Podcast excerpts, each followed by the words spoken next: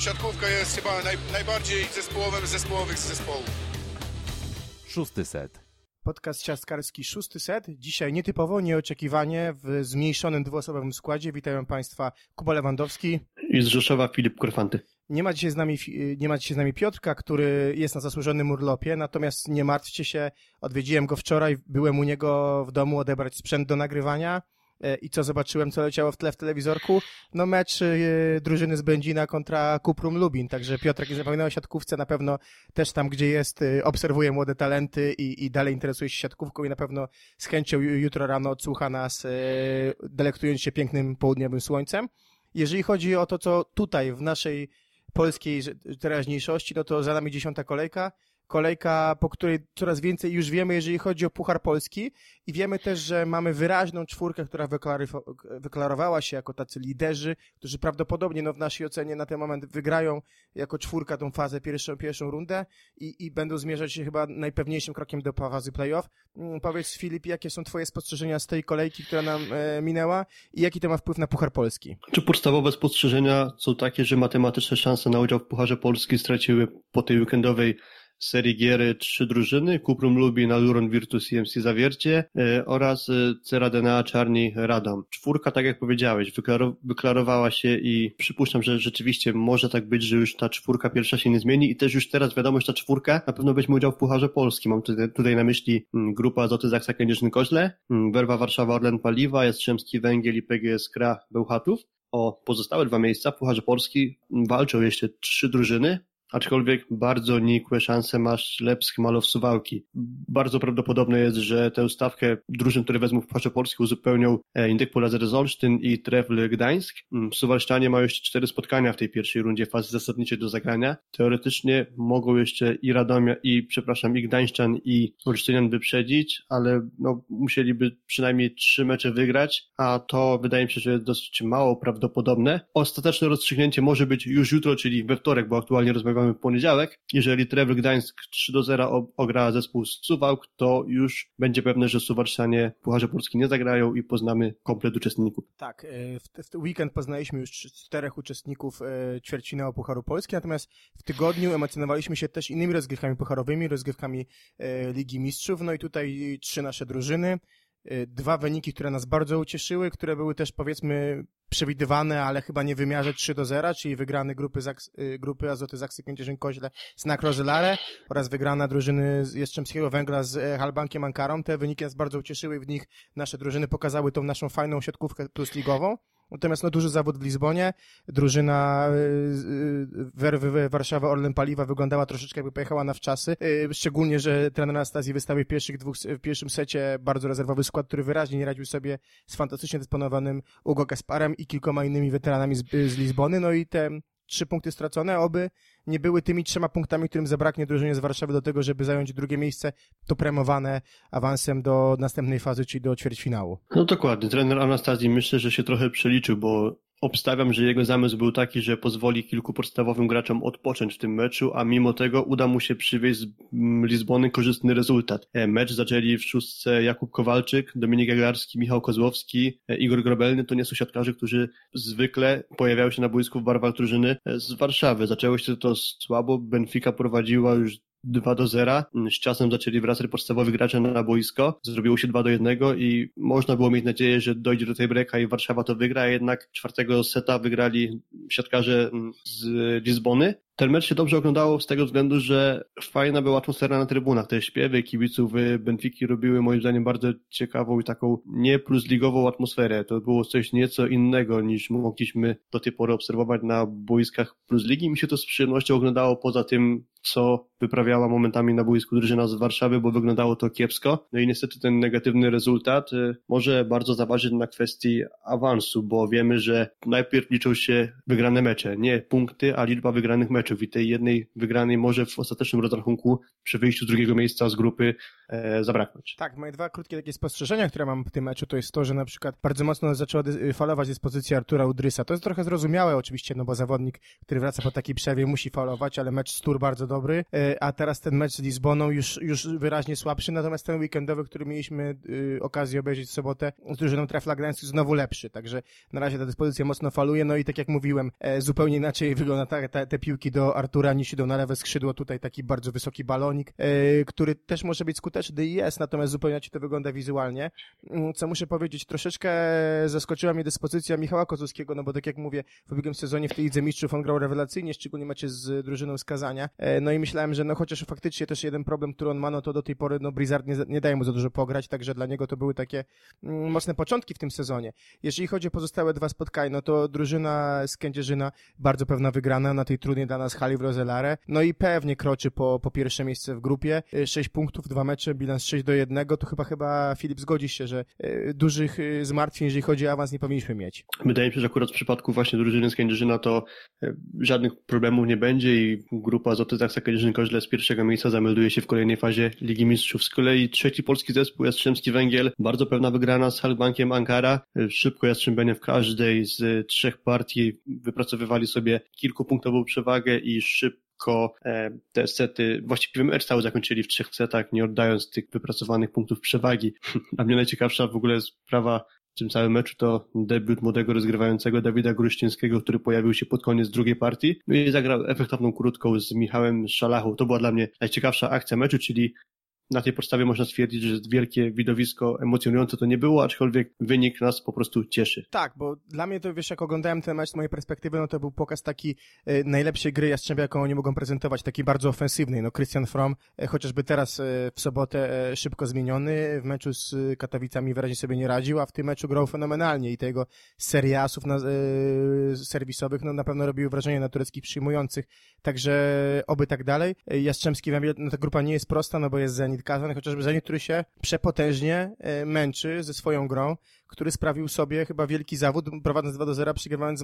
Maseik, które było mega nakręcone, które e, sprawiło nie lada sensację, tak? Mimo tego, że trener Wierbow zaczął rezerwowym lekko składem, no to to jest turbo sensacja, nie ukrywajmy tego. Dokładnie tak. Zenit Kazań ma swoje problemy wynikające z nadmiaru liczby meczów, bo oni do Maseik udali się prosto po e, powrocie z Brazylii, konkretnie z Betim z klubowych mistrzostw świata i oni raz, że nie najlepiej radzą sobie w lidze jak na tą drużynę, dwa, że przegrali klubowe mistrzostwa świata, a teraz skomplikowali sobie nieco sytuację już widzę mistrzów przegrywając tiebreaka w masę i, i na pewno jeszcze spokojny można być do posady Aleksja Wierbowa, który ponoć ma być roz, rozliczany, tak można powiedzieć, dopiero po turnieju finałowym Pucharu Rosji, czyli to będzie po 26 grudnia, ale do tego momentu no, będą już rozegrane wszystkie mecze pierwszej rundy fazy grupowej Ligi Mistrzów, czyli jeszcze przed rewanżem piłkarzami. Jeśli Jastrzębski Węgiel ma pokonać Zenit Kazań, to myślę, że teraz będzie idealna okazja, czyli jeszcze, okej, okay, nie, nie w najbliższym spotkaniu, tylko dopiero w tej trzeciej kolejce, ale, ale na pewno Zenit jest do ugryzienia,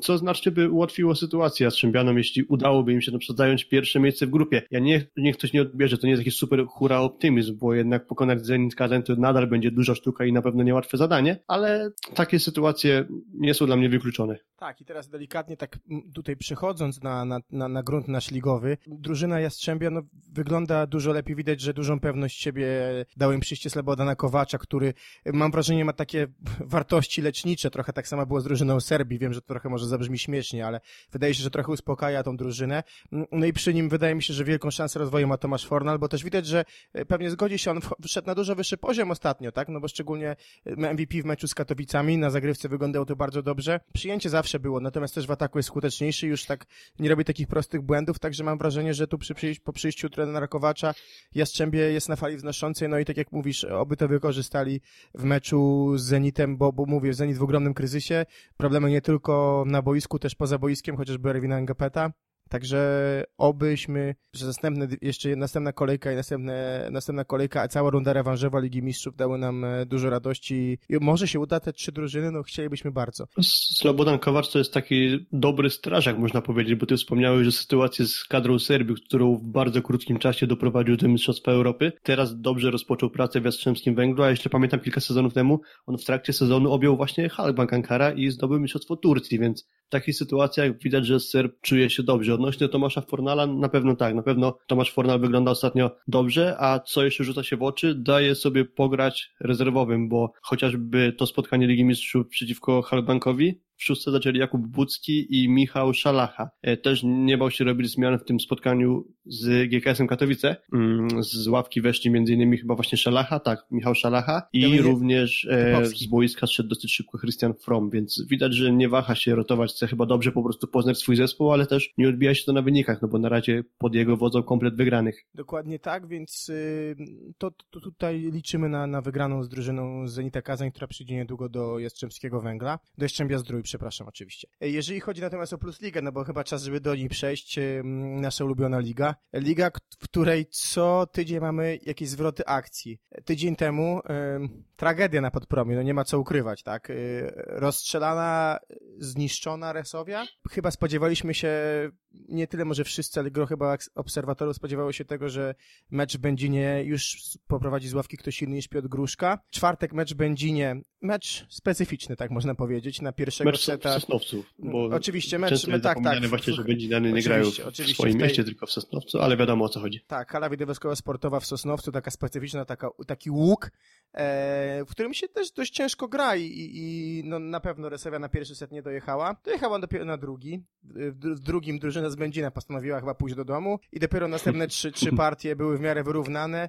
Wymęczona wygrana Resowi, ale chyba wygrana, która też troszeczkę mm, uspokoiła nastroje pod kątem tego, że jest ta wygrana, tak? No i widać było tą różnicę w meczu y, z drużyną Zawiercia, który ty obserwowałeś na żywo, ale też mam wrażenie, że mecz ym, z drużyną z Będzina dał odpowiedź, albo dał jeden ważny mm, cynk trenerowi Gruszce, taki, że po pierwsze, chyba na ten moment Kałika Szodzi wygląda lepiej w zgraniu z drużyną, a drugi, chyba bez lidera, gra się łatwiej, w sensie bez takiego kogoś, nie ma tego, co było wcześniej, że jak trwoga to do hołga, wyszedł rym, a, a teraz y, gra się trochę bardziej rozkłada. Nie wiem, czy takie same miałeś obserwacje z trybun. W sumie celne spostrzeżenie. Być może właśnie zejście Nikolasa Hoga sprawi, że każdy inny na boisku weźmie większą odpowiedzialność na swoje barki, bo długi czas to wyglądało tak, że był Hołg i długo nic i można się było tego trochę w pewnym sensie przyzwyczaić, przywyknąć i weszło to być może siatkarzom z Rzeszowa w krew. Oczywiście nie przesądzam, że tak było, ale jakieś przypuszczenia takie można wysunąć, bo tak to po prostu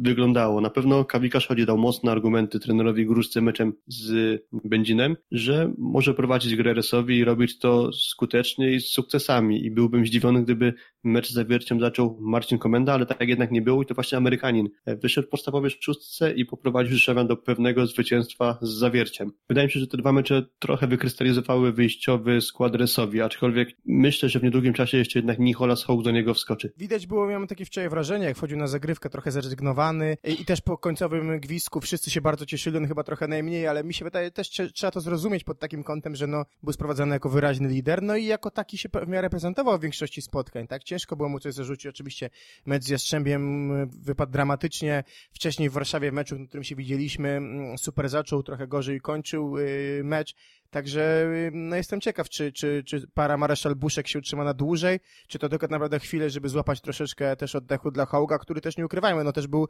w Kanadzie, y, był oczywiście z reprezentacją Kanady na Pucharze Świata, więc też może być tak, że mm, dołek wynika z lekkiego przemęczenia. A czy to przemęczenie nie dopadło drużyny z Zawiercia, bo czwarta porażka z rzędu bez punktu, nie licząc oczywiście meczu w, w Pucharze Challenge, to musi martwić y, prezesa Barana i trenera Marka Lebedewa. Tak, 13 meczów do tej pory rozegrane przez drużynę z Zawiercia w Plus Lidze i ten bilans jest o tyle niekorzystny, że mają już 7 porażek, a 6 wygranych, co przełożyło się na 18 punktów. I aktualnie, pomimo różnej liczby meczów rozegranych przez różne zespoły, to jest siódme miejsce, no i ta kolejka rozstrzygnęła to, że Zawiercianie nie zagrają w Pucharze Polski, co myślę, że jest rozczarowaniem dla tej drużyny. Myślę, że obstawiano na początku sezonu, że w tej pierwszej szóstce na zakończenie pierwszej rundy fazy zasadniczej zawiercianie się znajdą. Dlatego niezbyt to korzystnie wygląda. Plus jest taki, że nie zawodzą w Pucharze Challenge i pewnie wygrali z Heber Pazardzik. Myślę, że w rewanżu nie będą mieli problemów i awansują do kolejnej rundy, także z tego na pewno należy się cieszyć, no ale patrząc na całokształt tej drużyny, jak to wygląda, to ostatnio za dużo powodów do optymizmu nie widać. Mnie zastanawia, co dokładnie kieruje trenerem Lebediewem, że nawet jak zaczyna mecz Grzegorzem Boćkiem i jemu nie idzie, bo taki mecz był z Zaksą i taki mecz był też na Podpromiu, to kurczowo się Grzegorza Boćka na boisku trzyma i nie wchodzi Mateusz Malinowski. Jest to dla mnie trochę zastanawiające, aczkolwiek rozumiem powód. Chcę dawać na pewno odpocząć Mateuszowi Malinowskiemu, ale był taki mecz, gdzie mm, Jastrzębie, prze, przepraszam, Zawiercie grało z Jastrzębiem i po dwóch setach y, Mateusz Marinowski jednak się na boisku pojawił, więc to nie jest taka sztywna zasada, ale w meczu na przykład z Saksą i z Resowią myślę, że to na minus trenera Lebediewa, że na puszczenie Marinowskiego się nie zdecydował. To trochę dla, dla mnie zastanawiające. Wchodził tylko na zagrywkę, a Grzegorz Bociek tak jak ym, trzymał w tym meczu atak, y, no to w końcówce no te, te błędy, no chociażby w czwartym secie zakończyły mecz. Y, co jest takie... Czy właśnie, bo on w sumie skuteczność zanotował ostatecznie nie najgorszą, ale te bezpośrednie błędy i też no, w dosyć ważnych momentach się Grzegorz Bociek mylił, dlatego ja nie uznaję tego meczu za dobry w jego wykonaniu. Co ja, co ja mam taką obserwację, którą porównuję do poprzedniego sezonu, ta gra jest trochę mniej energiczna. Y, myślę, że trochę nie doceniono chyba wpływu też Kamila Semeniuka, no bo to, co wyprawiał chłopak od pewnego momentu w drużynie grupy Azoty Zaksy Kędzierzyn-Koźle, to jest niesamowite. No, mecz z drużyną z Olsztyna, nie wiem, czy wiesz, jaki procent w ataku u Kamila? Chyba 10 z 15 piłek skończył, zdaje się? 15 z 20, 75%. 15 z 20, także nie wiem, czy to nie jest jakiś tam rekord, o którym kiedyś Michał Kwietko-Będowski pisał, że, że chyba to jest naj, najwyższy procent skrzydłowego w historii Plus Ligi e, przy jakiejś tam ilości piłek. Natomiast co, do czego chcę wrócić?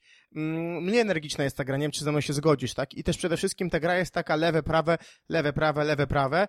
E, środka w ubiegłym roku też było mniej, ale było więcej pipa. Teraz mam wrażenie, że trochę jest mniej tego pipa. E, natomiast mam wrażenie też, że chyba pomoże drużynie zawiercia to, że Michał Masny już jako Polak będzie mm, występował, no bo mamy miejsce i dla Pęczewa i dla Ferreiry, licząc, że Pęcze wrócił tej formy, którą prezentował chociażby w półfinałach e, poprzedniego sezonu, w meczach chociażby z Jastrzębiem, tak, gdzie wyglądał bardzo dobrze i był wyraźnie dużym wzmocnieniem Oniko Warszawy. Czy dokładnie, to jeszcze umożliwia grę z Peterem, Peterem Verhesem, także to też nie jest bez znaczenia. Na pewno ułatwi to sytuację zawierciańskiej drużynie, aczkolwiek no, Nikołaj Pęczew na razie poza tym meczem z bułgarskim Hebarem Pazardzik to gra słabo moim zdaniem, bo oprócz tego meczu z Bułgarami, to Bułgar wspomniany właśnie jeszcze dobrego meczu nie zanotował, podobnie jak Wojciech Ferenc, takie mam wrażenie i to też na pewno jest jeden z problemów właśnie tej drużyny, że Marcin Waliński i Alessandro Ferreira na razie nie mają takiego pewnego zmiennika. Plus taki, że akurat Marcin Waliński odpoczął sobie w meczu z Hebarem i tam akurat go Pęczew dobrze zastąpił, ale w gruncie plus ligi póki co takiej sytuacji nie ma, że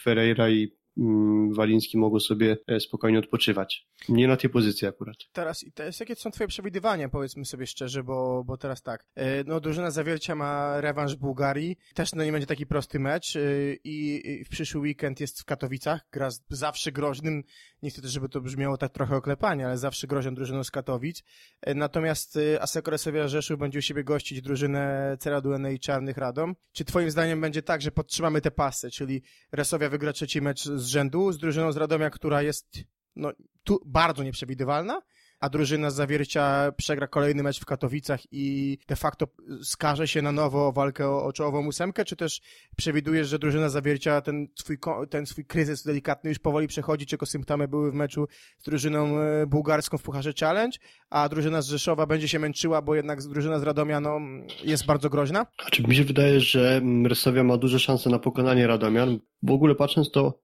ostatnie 7 spotkań Radomiu to tylko dwie, dwa zwycięstwa i nie wygląda to zbyt optymistycznie. E, Borysowie zakładając, że wreszcie formę na, do, na dobrym poziomie ustabilizuje, no to moim zdaniem będzie faworytem tego spotkania. W sumie to też tak trochę optymizmu dużo się pojawiło po tym spotkaniu właśnie z zawierciem na podpromy dla rzeszowskiego zespołu, bo pomimo tak fatalnego początku sezonu, realia są takie, że jeżeli Resowia wygra z Radomiem 3 do 0, to przeskoczy w tabeli będzie na ósmym miejscu już, czyli ten minimum cel, czyli miejsce dające e, grę w playoffach będzie już spełniony, także dość tak bocznymi drzwiami można powiedzieć, może nie tak w oczywisty sposób, ale lada moment Resowia może się zameldować już na ósmym miejscu w tabeli. Z kolei co sądzić o zawierciu? Myślę, że nadal będzie problem do końca e, tego roku właściwie, do przerwy w Berlinie. Oni mają mnóstwo grania, teraz mają, już jutro lecą do Bułgarii, czyli we wtorek E, w środę mecz z Hebarem i mecz z Katowicami 21 grudnia, także na pewno nałoży się trochę zmęczenia. Na pewno Katowicianie nie są łatwym rywalem, oni chyba jeszcze żadnego meczu nie przegrali 0 do 3 więc y, w 0 do 3 nie przegrali żadnego meczu, a przecież wiemy o ile oni zagrali tiebreaków, więc jeżeli ten mecz będzie na długim dystansie, no to myślę, że to nie zadziała korzyść zawiercia i ja na razie nie podejmę się, kto jest jakimś wyraźnym faworytem. Myślę, że nie powinniśmy być zdziwieni, jeśli zawiercie kolejne punkty straci, bo nie wyglądają dobrze, a też przez te podróże na pewno mają mało czasu na trening, więc trudno jakieś takie jednoznaczne sygnały, że już teraz nagle gra zawiercie się odmieni. Myślisz, że posada trenera jest w jakiś sposób zagrożona, czy tam jest cierpliwość do tego, aby dalej wykonywał swoją pracę, którą w ubiegłym roku w sezonie wykonywał fenomenalnie, tak? Myślę, że jeszcze, jeszcze, jeszcze spokojnie, no bo umówmy się, oczywiście, no uciekł Puchar Polski, natomiast y, myślę, że ta przerwa, która będzie związana z Berlinem i tego, że de facto, mm, nie wiem, popraw mnie, jeżeli się, się, będę w błędzie, ale chyba poza Niko Pęczewem nikt y, do Berlina nie pojedzie, a nie wiem, czy w ogóle Niko Pęczew pojedzie. Mm, zaraz zastanówmy się. Niko Pęczew, no myślę, że znajdzie się w kadrze Bułgarii. Oprócz tego Aleksandr Ferreira nie zagra, bo to Portugalczyk, Peter Verhes y, jako Belg y, może pojechać do Berlina. Daichiro Kogan nie, bo Japonia ma pewny awans do Gospodarz. Igrzysk, także Archib Dosan jeszcze wyjedzie jako Australijczyk, no i wyjedzie trener Lebediew jako szkoleniowiec reprezentacji Australii, także dużych ubytków kadrowych nie będzie. Myślę, że Dominik Odnośnie... Krapisiewicz to pociągnie mhm. i jeżeli chodzi o kwestię, którą, tak już tak przechodząc też może troszeczkę dalej, jeżeli chodzi o, o, o inne drużyny postligowe, no to mówiliśmy trochę o Resowi, o Resowi, która jest na fali wznoszącej i Resowi, która słynęła kiedyś z równej czternastki, a teraz o dziwo chyba o tej równej czternastce możemy mówić w kontekście drużyny Ślepska Malow Suwałki. Oczywiście jest tutaj e, element łączący ich trener Kowal, natomiast ym, przyznasz szczerze, że jest duża głębia składów w Suwałkach, i ci zawodnicy wchodząc na boisko prawie za każdym razem coś wynoszą, co było widać chociażby w tym meczu z y, Bydgoszczą, y, w którym tak naprawdę no, świetny mecz y, Tączka Sterna, a mimo tego drużynie z Suwałk udało się wyrwać te dwa punkty. Tak, zaczął w podstawowym składzie to ten mecz Wojciech Siek, szybko zmieniony przez Łukasza Rudzewicza, była to dobra zmiana. E, Jakuba Ronkę zmienił Kevin Klinkenberg i to była świetna zmiana, to moim zdaniem była jedna e, z dwóch najważniejszych postaci tego spotkania, obok oczywiście Nikolasa Szerszenia, który zagrał show na zagrywce, zdobył 8 asów serwisowych i e, Suwalszczanie wygrywali akurat te sety, gdzie serie zagrywek dobry przytrafiały się właśnie Polakowi z również francuskim obywatelstwem. W sumie wcześniej powiedzieliśmy o Michale Masnym, że to ostatnie spotkanie było pierwszym w roli takiej, że gra na polskiej licencji i podobna sytuacja będzie z Nikolasem Szerszeniem. On też stara się o zmianę tej licencji i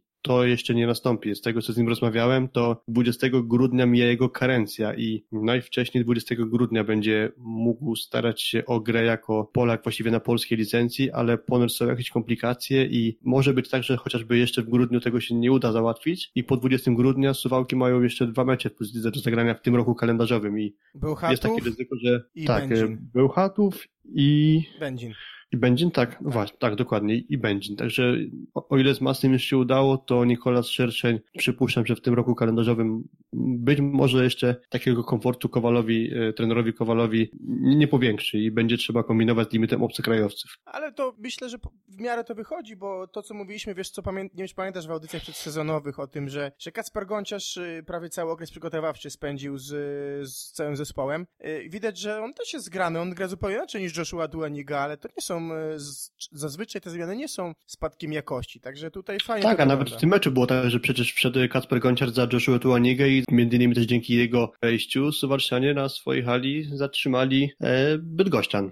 Znaczy zatrzymali to może akurat nie najlepsze słowo, bo Bydgoszczanie się jeszcze nie rozpędzili, bo przegrali komplet spotkań, no ale było tak, że przez jakiś czas było zwycięstwo Suwałky zagrożone. Troszeczkę śmiesznie to wygląda w takim kontekście, że 6 punktów BKS-u Wisły Bydgoszcz, 6 tiebreaków przegranych, są nad Będzinem, który wygrał już dwa, dwa mecze, mimo, mimo braku zwycięstwa, ale chyba pozytywnie nas zaskakuje drużyna z Bydgoszczy, bo myślę, że mm, obiektywnie spodziewaliśmy się chyba tego, że y, okej, okay, no 12 porażek. To na pewno jest y, powód do. Nie jest to powód do zadowolenia, no nie ukrywajmy tego, tak? Ale 6 punktów i styl w tych spotkaniach chyba mm, zaskakuje im plus. Przynajmniej w mojej ocenie. Tak, ja spodziewałem się, że jakość gry właśnie Bydgoszczy będzie trochę niższa. Dlatego na plus, aczkolwiek jeśli chodzi o liczbę zwycięstw, no to wygląda to no, fatalnie, bilans jest fatalny i jak ktoś powiedzmy tej ligi nie ogląda, a jedynie spogląda tabelę, no to myśli sobie, że no coś tam jest ewidentnie nie tak. Ale patrząc na samą jakość gry, jestem delikatnie na plus zaskoczony. Piątek e, w Bydgoszczy. Hali Łuczniczka, BKS Wisła Bydgoszcz, MKS Będzin. E, mecz o 6 punktów, nie ukrywajmy. E, Tak, MKS Będzin po nieudanym początku sezonu może się dźwignąć z ostatniego miejsca w tabeli. Szczególnie, że mam wrażenie, że ten team spirit, który jest w tej drużynie z Będzina, poszedł ewidentnie do góry. To było widać szczególnie chociażby w niedzielę w meczu w hali, tak jak poprawiłeś mnie oczywiście w Sosnowcu, z drużyną Kuprum Lubin, że ta wola walki ogromna była w drużynie Będzina, że te problemy, zaraz sobie o nich opowiemy trochę szerzej, e, nakręciły ich na plus i że widać też, że Dawid Cezeheimer fajnie się w tą drużynę wkomponował, został na obcokrajowiec, fajnie się wkomponował. Taka pozytywna trochę banda świrów się zrobiła z drużyny z Będzina i, mi się wydaje, że no tutaj na pewno gryźć parkiet, mówiąc kolokwialnie, oni będą i będą walczyć o każdy punkt, ale to samo można powiedzieć o drużynie z Bydgoszczy, że oni też y, są turbowaleczni, tak? I, I że można mówić o jakichś tam problemach jakościowych, ale w tych drużynach, które w jakiś sposób um, mają swoje problemy i prezentują na ten moment najniższy poziom gry, jest zupełnie, moim zdaniem, przynajmniej inna, inna wola walki, czy inna dyspozycja mentalna, niż czasami na przykład tak jak było widać w meczu Rasowi z Jastrzębiem, jak było widać w niektórych meczach Zawiercia, jak, jak czasami było widać, jak było to widać w drużynie Jastrzębia, jeszcze za Santiliego. Zgodzi się, prawda? Oczywiście tak.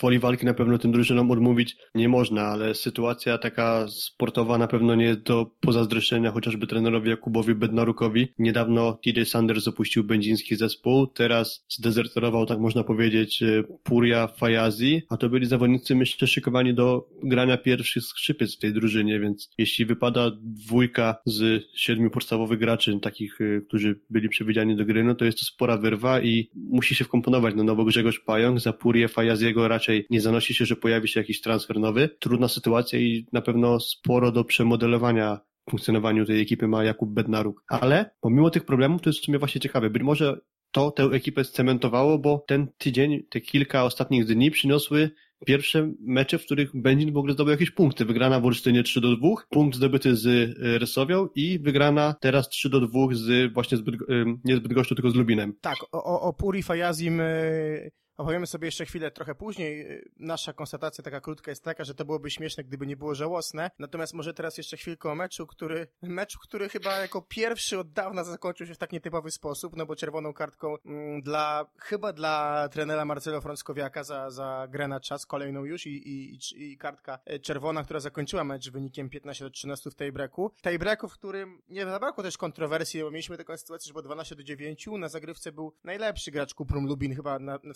do tej pory w sezonie e, Bartek Lipiński i piłka cudem po ataku Rafała Faryny została podbita przez drużynę z Lubina. Ktoś tam chyba bodajże Przemysław Smoliński tak ratując tą prze, przekroczył ręką linię środkową i sędzia y, zatrzymał grę i, i nakazał ponowienie gry bez punktu, co bardzo zirytowało drużynę z Będzina i znowu Kuprum doszło na remis, no ta końcówka trochę szalona, no ale wygrana przez Będzin. Mm, Mecz, który pokazał chyba dlaczego te dwie drużyny są e, w dolnej części tabeli. Mecz, który pokazał to, że te drużyny są dosyć chimeryczne, który pokazał też to, że w tych drużynach brakuje w dużej mierze siły w ataku i w których mam wrażenie, oczywiście nie brakuje walki, ale w których też mam wrażenie brakuje takiej powtarzalnej, solidnej gry, w której brakuje tego, żeby nie było błędów. Znaczy, na pewno w przypadku Kuprum Lubin sporo zależy od Jakuba Żebrowskiego. To chyba też, nawet gdzieś kiedyś coś takiego powiedziałem i w sumie tego się trzymam, że jak dobrze gra Jakub Żebrowski, to znacznie lepiej wygląda cały zespół Kuprum. Jeżeli brakuje Jakuba Żebrowskiego, to mimo, że w bardzo dobrej formie ostatnio jest Bartłomiej Lipiński, no to trochę tej siły ognia brakuje, no bo trudno opierać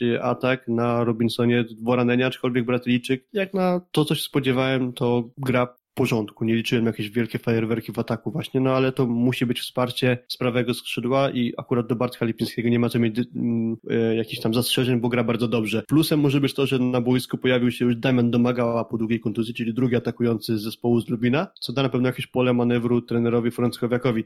Co do MKS-u Będzin, do tego, że ta gra ich trochę jest taka szarpana, że brakuje jakiejś stabilizacji, myślę, że trudno o stabilizację, jeżeli dwa ważne ogniwa z tego zespołu wypadają i trener Bernaruk musi, no tak jak wcześniej powiedziałem, trochę przemodelować sposób funkcjonowania tego mm, zespołu. Fajna sytuacja z pierwszego seta tego meczu i która pokazuje trochę nad czym Będzin może jeszcze pracować. Statystyki po pozytywnym przyjęciu w ataku zespołu z Będzina oni skończyli po pozytywnym przyjęciu tylko dwie z siedmiu piłek. Dali się raz zablokować, zrobili trzy bezpośrednie błędu. A po przyjęciu negatywnym z kolei skończyli 5 z 6 piłek, nie zrobili żadnego błędu, nie dali się zablokować. To kompletnie odwrócona sytuacja. Łatwiej jest grać chociażby pierwszym tempem po dobrym przyjęciu, aniżeli skończyć 5 z 6 piłek po negatywnym Ale przyjęciu. jest ta- Także tu jest jest duże chyba- pole do poprawy jeszcze. To jest chyba ta wola walki, o której mówiliśmy, prawda, że widać, że oni no, nie poddają się, natomiast też dopowiem do tego, co powiedziałeś, ostatnia akcja pierwszego seta. Bardzo dobre przyjęcie i Grzegorz Pająk się w ogóle nie zrozumiał z e, Rafałem Faryną, piłka zupełnie nie w tempo, ledwo tam przybili na drugą stronę e, Będzinianie, no i Lipiński skończył seta. Co muszę powiedzieć, to jest jeszcze to, że jeżeli chodzi o Będzin, no to też jest to specyficzne, że dwóch atakujących chyba najjaśniejsze punkty, to o czym mówił trener Bednaruk, także gdybym mógł grać jak w piłce nożnej na dwóch napastników, tak bym grał, no bo zobacz, y, mecz y, z Olsztynem, mm, wygrany, kto jest MVP? Superlak, tak? Michał Superlak, który gra bardzo dobry cały mecz i jest MVP. Mecz z, mecz z Lubinem, y, wychodzi Faryna, gra bardzo dobry mecz, jest MVP. Także tutaj można powiedzieć dwóch równych atakujących, Więc to jest chyba duży atut y, trenera Bednaruka, że mam wrażenie, że tych zawodników też trochę dobiera pod kątem drużyny. Y, Superlak chyba ciut bardziej techniczny od Faryny, a bardziej Faryna bardziej siłowy, ale oboje w bardzo wysokiej formie. No i jeżeli zgrają się z Grzegorzem Pająkiem, no to myślę, że będzie niekoniecznie musi spać, bo widać, że to, o czym powiemy sobie za chwilę, jeżeli chodzi o kaszankę kolejki, no to zdecydowanie chyba nakręciło jeszcze bardziej do tego, żeby o jeden wspólny cel walczyć. Y, Sam Jakub Bednaruk mówi, że cele drużyny się zmieniły po tych osłabieniach, że teraz ich głównym celem jest walka o utrzymanie, ale nie sądzę, żeby ich pozycja była zagrożona, chociaż no może to zbyt optymistyczne, ale wydaje mi się, że zostanie to wszystko tak poukładane, że chociażby to, co powiedziałem wcześniej odnośnie skuteczności po pozytywnym przyjęciu, no to jest kwestia jeszcze może zgrania z Grzegorzem Pająkiem, no bo bądź co bądź łatwiej jest poprawiać grę chociażby pierwszym tempem niż grę na wysokiej piłce, tak mi się wydaje, że jest łatwiejsze do opanowania, a nie sądzę, żeby jednak Będzin z ligi spadł. Wydaje mi się, że to nadal jednak wszystko wskazuje na to, że z ligą pożegna się BKS Wisła Bydgoszcz. Tak, jakby miał obstawiać ten mecz y, drużyny z Bydgoszczy z drużyną z Będzina, myślę, że Będzin ten mecz wygra. Natomiast korzystając z fajnego zwyczaju, który wpro- wprowadził y, Piotrek, to może ja będę czytał wynik meczu i będziemy się wymieniać na zmianę dwoma, trzema spostrzeżeniami z danego spotkania, którego nie mówiliśmy do tej pory szerzej, a potem przejdziemy sobie do koszanki kolejki, a na końcu wybierzemy oczywiście pierwszą i drugą siódemkę kolejki, dobrze? No jasne. Tak, y, więc y, omówiliśmy sobie już y, Ślepsk Malow Suwałki, y, BKS Wisła Bydgoszcz, wynik 3 do 2, mecz był w piątek. E, Omówiliśmy sobie niedzielny mecz kończący kolejkę MKS Będzin, y, Kuprum Lubin też 3 do 2. Nie powiedzieliśmy nic i teraz na to pora, króciutko, grupa Azoty Zaksa Kędzierzyn-Koźle 3 do 1, Indyk Polazy też Olsztyn, co się rzuca z mojej perspektywy w oczy fenomenalna dyspozycja Kamila Semeniuka Em, i de facto i, i z jednej strony, a z drugiej strony duże problemy drużyny z Olsztyna, kontuzja Jana Hadrawy i, i czas, y, i teraz chwila prawdy przed Remkiem Kapicą. Znaczy dokładnie, ale akurat już to spotkanie, znaczy to było spotkanie właśnie w wykonaniu Remigiusza Kapicy słabe, trzeba powiedzieć. E, O ile bardzo dobrze prezentował się w tych swoich wcześniejszych wejściach w poprzednich meczach, to tutaj jednak e, tego spotkania nie udźwignął. Chyba tylko z 3 z 14 bodajże piłek skończonych. Może to być pewnego rodzaju problem na pewno dla Olsztyna, ale takie przemyślenie jedno jest na pewno, że jeśli ta kontuzja już musiała się przydarzyć, to ona się przytrafiła względnie w dobrym momencie, o ile w ogóle coś takiego można powiedzieć. Chodzi po prostu o to, że Olsztynianie e, mają jeszcze przed sobą w tym roku kalendarzowym dwa trudne e, mecze. Będzie to e, spotkanie z Warszawą i ze Skrą. 18 grudnia ze Skrą i 21 grudnia z Warszawą. Jest teza moja taka, że nawet z Hadrawą wygranie tych meczów byłoby trudne, więc jeśli Jana Hadrawy nie będzie, to wielka taka strata w kontekście wyników e, być może nie zajdzie, a później mamy długą przerwę na turniej w Berlinie i Jan Hadrawa będzie mógł w tym czasie dojść do zdrowia. Przypuszczam, że Olsztynianie tak czy tak, nawet przegrywając dwa spotkania, zameldują się w szóstce pierwszej po fazie zasadniczej zagrają w Pucharze Polski, więc może się okazać, że ten, e, ta absencja Hadrawy będzie po prostu w pewnym sensie niezauważalna. Myślę, że tak. E, Kolejny mecz, który był w sobotę. Hali Torwar, Werwa Warszawa, Orlen Paliwa 3 do 0 z Treflem Gdańsk. Taka moja delikatna dygresja. E, Szkoda, że te mecze były w tym samym momencie, znaczy mecz Legii z Wisłą Płocki i mecz drużyny Werwy Warszawa. No bo po pierwsze sparaliżowana okolica Torwaru i stadionu Legii, a po drugie chyba trochę mniej kibiców, a, a szkoda, bo mecz był bardzo ciekawy. 6 punktów więcej zdobyła drużyna z Warszawy. E, Każdy set się kończył albo 25-23, albo 27-25, także wygrali, bo po prostu mieli lepsze końcówki. Widać było to doświadczenie, którego brakuje drużynie Michała Wynierskiego. I Artur Udrys, y, dobry mecz. pierwszy w lidze dobry mecz jego po powrocie. E, z drugiej strony trochę słabsza dyspozycja Rubana Szota, który słabo kończył piłki na skrzydle w przeciwieństwie do Bartka Kwolka i, i Kevina Tilliego i chyba to zaważyło na, na delikatnej różnicy, bo te sety były bardzo, bardzo równe. Co to pokazuje? To pokazuje, że Warszawa, no ta pierwsza szóstka wydaje się, że być wyklarowana. E, Jan Król już tylko bardziej w roli takiego zmiennika sytuacyjnego. A drużyna z Gdańska, co o nich można powiedzieć? E, mieli fajną, fajną bardzo serię na Śląsku, dwa wygrane za trzy punkty, świetna forma Pablo Klera. E, w tym meczu chyba zabrakło chłodnej głowy, zgodziłbyś się? Myślę, że tak. Myślę, że po prostu brakuje trochę takiego doświadczenia, czyli jeżeli im dłużej oni będą grać sobą w takim składzie, to tym teoretycznie powinno to wyglądać lepiej. Aczkolwiek moim zdaniem ważna sprawa do podkreślenia jest taka, że nawet jeżeli oni mecze przegrywają, to nie są to jakieś blamarze i nawet wynik 3 do 0 z Warszawą to nie jest nic, co by im mogło przynieść jakąś taką e, skazę, czy, czy że oni powinni się tego wstydzić. Zagrali dobre spotkanie. Podobnie zresztą nawet pamiętam grali ze Skorą Bełchatów, przegrali ten mecz, ale to też nie był mecz, za który można się wstydzić. Także to były porażki, porażki, bo porażki, ale w dobrym stylu. Tak, wcześniej e, też w sobotę 445 hala w Jastrzębskim Zdroju, Jastrzębski Węgiel GKS Katowice. No w wyniku innego niż 3-2 nie mogło być meczu drużyny z Katowic. Natomiast jak to wyglądało? Wyglądało to tak, że 2-0 prowadziły Katowice, no i zanosiły się na sensację. Dobre zmiany, tak jak mówiliśmy wcześniej, Michał Szalacha i Dominik Depowski y, y, pozwoliły ten mecz odwrócić, no i coraz lepsza forma Tomasza Fornala, a, a drużyna z Katowic bez Jakuba Jarosza, którego to był słabszy mecz, samym lewym skrzydłem e, i świetnym Janem Nowakowskim nie była w stanie tego wygrać e, za dwa punkty. E, czy, czy tutaj jakie masz obserwacje do tego spotkania? No, czy pod wodzą Slobodana Kowacza i wcześniej przez pod wodzą Luka Reynoldsa to był taki mecz Jastrzębia, gdzie rywal postawił najtrudniejsze warunki na pewno. GKS Katowice zagrał właściwie to, co gra przez większość sezonu, czyli pięć setów, ale tym razem Jastrzębia się nie udało mm, wywieźć wygrany. Tak jak powiedziałeś, trochę słabszy mecz Jakuba Jarosza, który warto podkreślenia gra sezon jako tako ogólnie bardzo dobry. Dobra gra Rafała Szymury na pewno, dobra gra Jana Nowakowskiego, ale na dobrze dysponowany zespół z Jastrzębia to nie wystarczyło. Mówiliśmy trochę wcześniej odnośnie stylu Slobodana Kowacza, który nie boi się wprowadzać swoich zmienników. Po części pewnie na pewno zamysł jest taki, żeby poprawić grę, a po części pewnie chce zobaczyć swoich zawodników na boisku w warunkach meczowych. Stąd między innymi właśnie na przykład Michał Szalacha na boisku. Dokładnie, także widać tutaj tą głębię składu, o której mówiliśmy, jeżeli chodzi o drużynę z Jastrzębia i która coraz bardziej się pojawia, jeszcze przecież czekamy dalej na powrót Juliana Linera. Jeżeli chodzi o kolejne pozostałe dwa spotkania, no to mecz, y, który widziałeś na żywo w, w hali na Podpromiu, Aseko Resewia Rzeszów y, wygrywające 3 do 1 z drużyną Aloronu Virtus CMC Zawierciu mówiliśmy. Został ostatni mecz, chyba najbardziej emocjonujący, jeżeli chodzi o starcia e, pod siatką. E, w hali w Radomiu Cerat Enea Czarni Radom 1 do 3 przegrywa z PGS Krąbełchatów. PGS Krąbełchatów, która grała bez Mariusza Wlazłego i to było widać, bo Duszan Petkowicz mm, chyba około 40 paru procent skończył, ale chyba 5 razy był blokowany, także widać, że to nie jest ten Duszan Petkowicz jeszcze, którego znamy z Włoch, natomiast fenomenalna dyspozycja chłopaka, który hale pod tak zwanym złotym sufitem zna na pamięć, czyli Norberta Hubera, pozwoliła zwyciężyć 3 do 1 z Krze, e, z Krze i mam takie wrażenie, że hala w Radomie jest bardzo trudna, ale dla drużyn, które są największymi faworytami naszej ligi, ta hala pozwala, jakby spowoduje, że te sety są wyrównane, ale te końcówki dla drużyny Skry, czy też wcześniej meczu, który widziałem y, dla drużyny Grupy Azoty Zaksy, Kędzierzyn-Koźle padają ich łupem po prostu z uwagi na doświadczenie i mniejszą liczbę błędów. A z, z kolei Radymanie, to tak jak powiedzieliśmy wcześniej, no, 7 spotkań i tylko dwie wygrane, także nie jest to na pewno dobra passa. Słaby mecz, mam wrażenie, zagrał Wojciech Włodarczyk i dosyć dużo tych słabych spotkań się u właśnie Włodarczyka pojawia, mam wrażenie, w tym sezonie.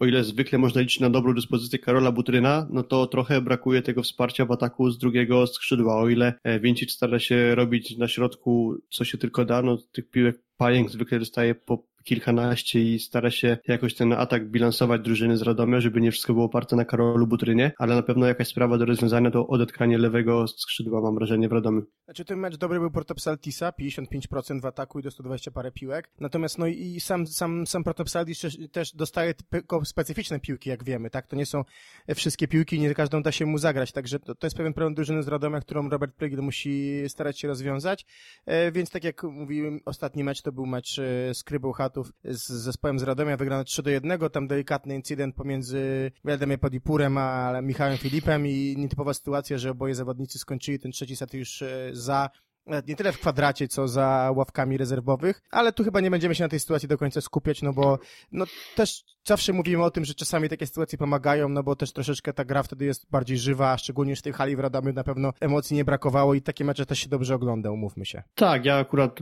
nie mam tak, że siatkówka to powinna być super grzeczna gra, jeśli coś nie wykraczające poza skalę się dzieje takiego, co podkręca atmosferę na trybunach, to, to dla widowiska to często po prostu lepiej jakoś z większymi emocjami się takie spotkania ogląda. Zastanawialiśmy się, czy to nie powinno być kaszanka kolejki, to starcie Michała Filipa z Miadem Ebadipurem, ale nie, czas na naszą kaszankę kolejki.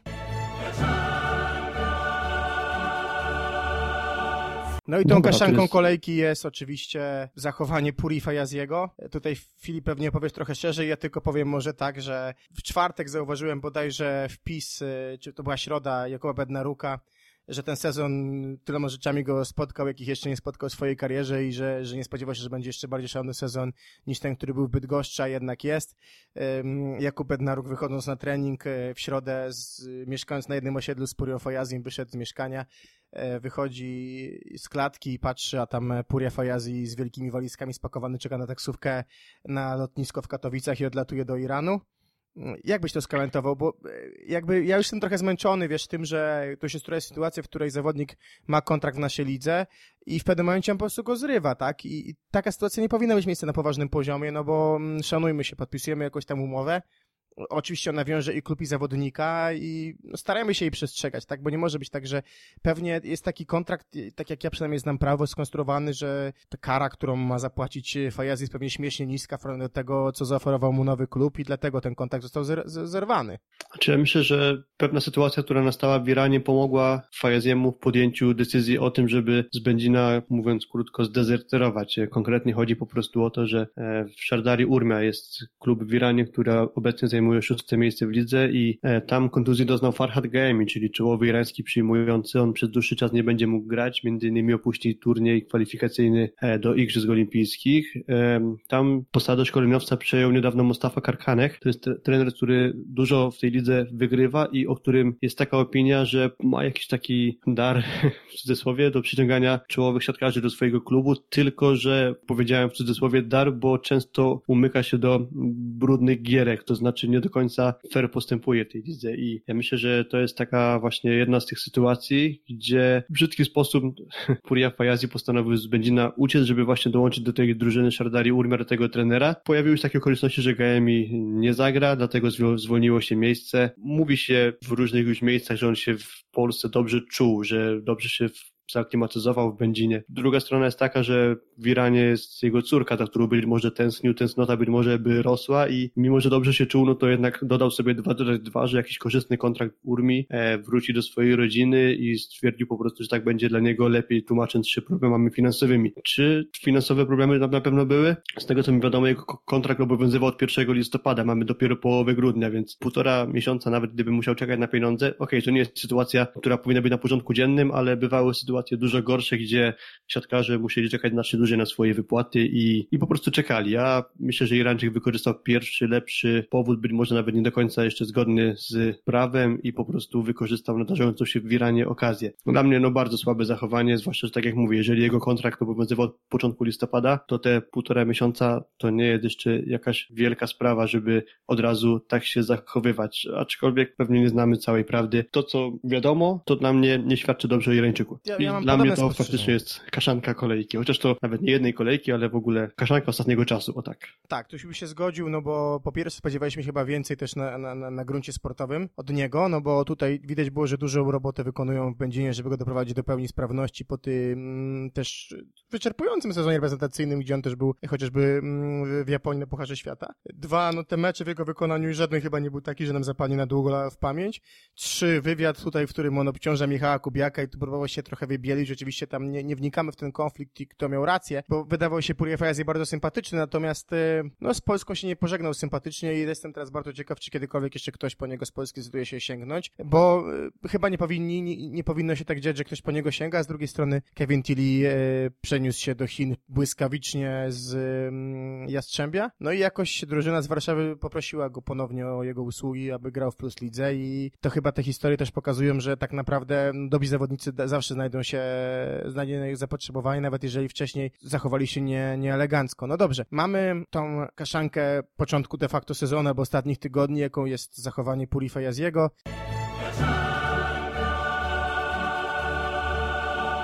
Czas na ostatni akcent naszego dzisiejszego odcinka, czyli wybór e, siódemki kolejki. Wybór trochę inny niż zawsze, no bo jesteśmy w dwójkę i tu nie będziemy udawać, czy próbować się przerzucać jakimiś racjami, a tak naprawdę po prostu powiemy sobie, kto w naszej ocenie e, zasługuje na pierwszą, a drugą siódemkę. No dobra. Czy właściwie to już trochę z sobą rozmawialiśmy, żeby nie przedłużać odcinka, tak można powiedzieć. Dokładnie. E, zacznijmy może od pozycji atakującego. I kto? Będzie to Rafał Faryna i Tonczek Stern. Tak, zgadzam się, ale tutaj ciekawi mnie, kto dla ciebie pierwszy, kto drugi. Powiedziałem, że na przykład Tonczek Stern, bo tak właściwie się wstępnie umówiliśmy, ale też dobry mecz na przykład chociażby Artura Udrysa, ale zdecydowaliśmy się na e, Słoweńca, dlatego że no, nie zdarzały się takie spotkania wcześniej, żeby... 37 no, się, punktów. to naj- najlepszy mecz w ogóle jego, także 31 punktów, 11 serwisowy, ponad 50% w ataku, 6 bloków, ale mimo tego przegrany mecz, dlatego Rafał Faryna, który Tak. poprowadził Będzina do zwycięstwa i w pierwszej szóstce Rafał Faryna. Dokładnie w drugiej Tączek Stern. Przechodzimy teraz do rozegrania. Myślę, że pierwsza szóstka łatwe, dobry ostatnio impuls, dobry, dobry mózg drużyny. Kawika Shodzi. Tu chyba się Tak, i zgodzimy Bento oboje. Newty moim zdaniem drugi. Tak, i Bento Newty trzyma równy poziom. Też to jest taka kolejka, w której nie było jakoś wielkiego wysypu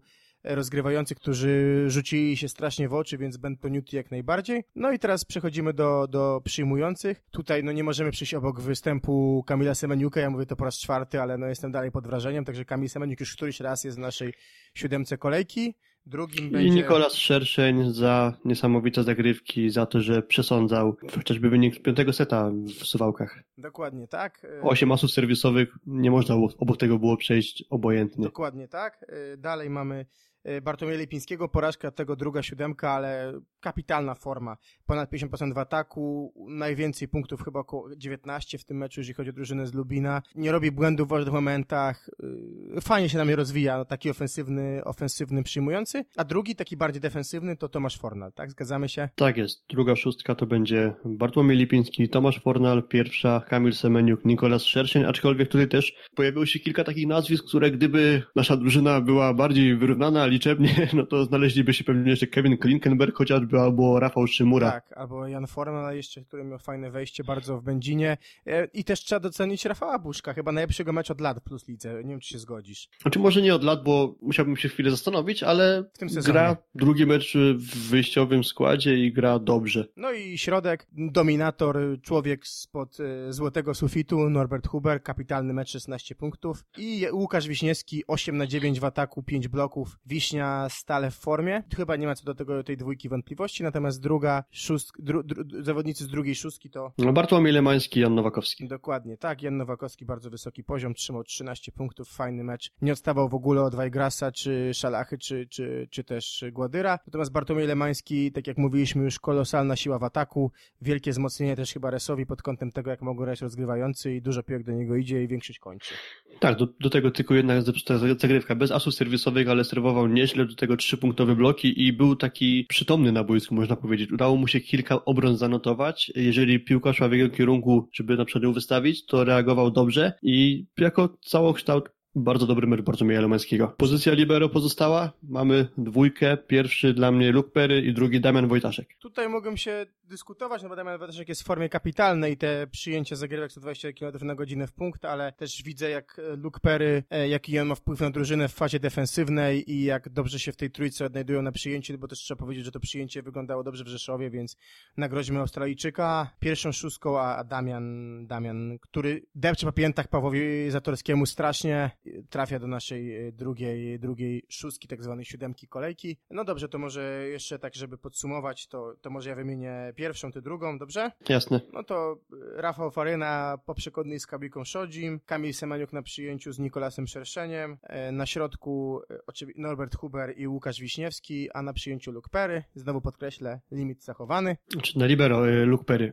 tak, na lu- libero oczywiście. E, Druga szóstka w takim razie Bentoniutti, Tonczek Stern, Tomasz Fornal, Bartłomiej Lipiński, na środku Bartłomiej Lemański, e, Jan Nowakowski, na libero Damian Wojtaszek. I znowu jesteśmy w limicie obcokrajowców. Fajna ta nasza To, liga, sam, bo to, dużo to samo z siebie wychodzi, my tego nie planujemy. Dokładnie, fajnie, że tak e, Polacy wyglądają dobrze w tej lidze i że wiodą prym, no bo widzimy to na przykładzie Włoch, jak e, może być problemem, jeżeli taka jest, jeżeli nie ma takiej sytuacji, tak, oczywiście. Dokładnie, może być taka sytuacja, że jutro na boisku przeciwko Warszawie wyjdzie sześciu Włochów? Nie, pięciu Włochów, pięciu Włochów. E, przepraszam, pięciu obcokrajowców. Pięciu krajowców i tak, chyba co, Roberto Russo, tak, i chyba Libero, tak? Roberto Russo, tak, i, i, i, Kolaci. Mhm. Dokładnie. E, no właśnie, także to też piękne czasy dla naszej siatkówki, tak już kończąc, no bo tak jak mówiliśmy na samym początku, wczoraj Modena Perugia, dwaj najlepsi zawodnicy, Wifi Leon, tak, i Bartek Bednosz, także no kłopot bogactwa ma Vital Heinen. Oby tak dalej, oby tak do lata, oby tak do Tokio. Tak jest, a my do, dobrnęliśmy do końca tego odcinka i za uwagę dziękujemy. Ty, Kuba, zaczynałeś, ja może zakończę. Z Warszawy dziękuję Kuba Lewandowski, i z Rzeszowa Filip Korfanty. Dzięki, cześć, Dzięki, trzymajcie cześć. się.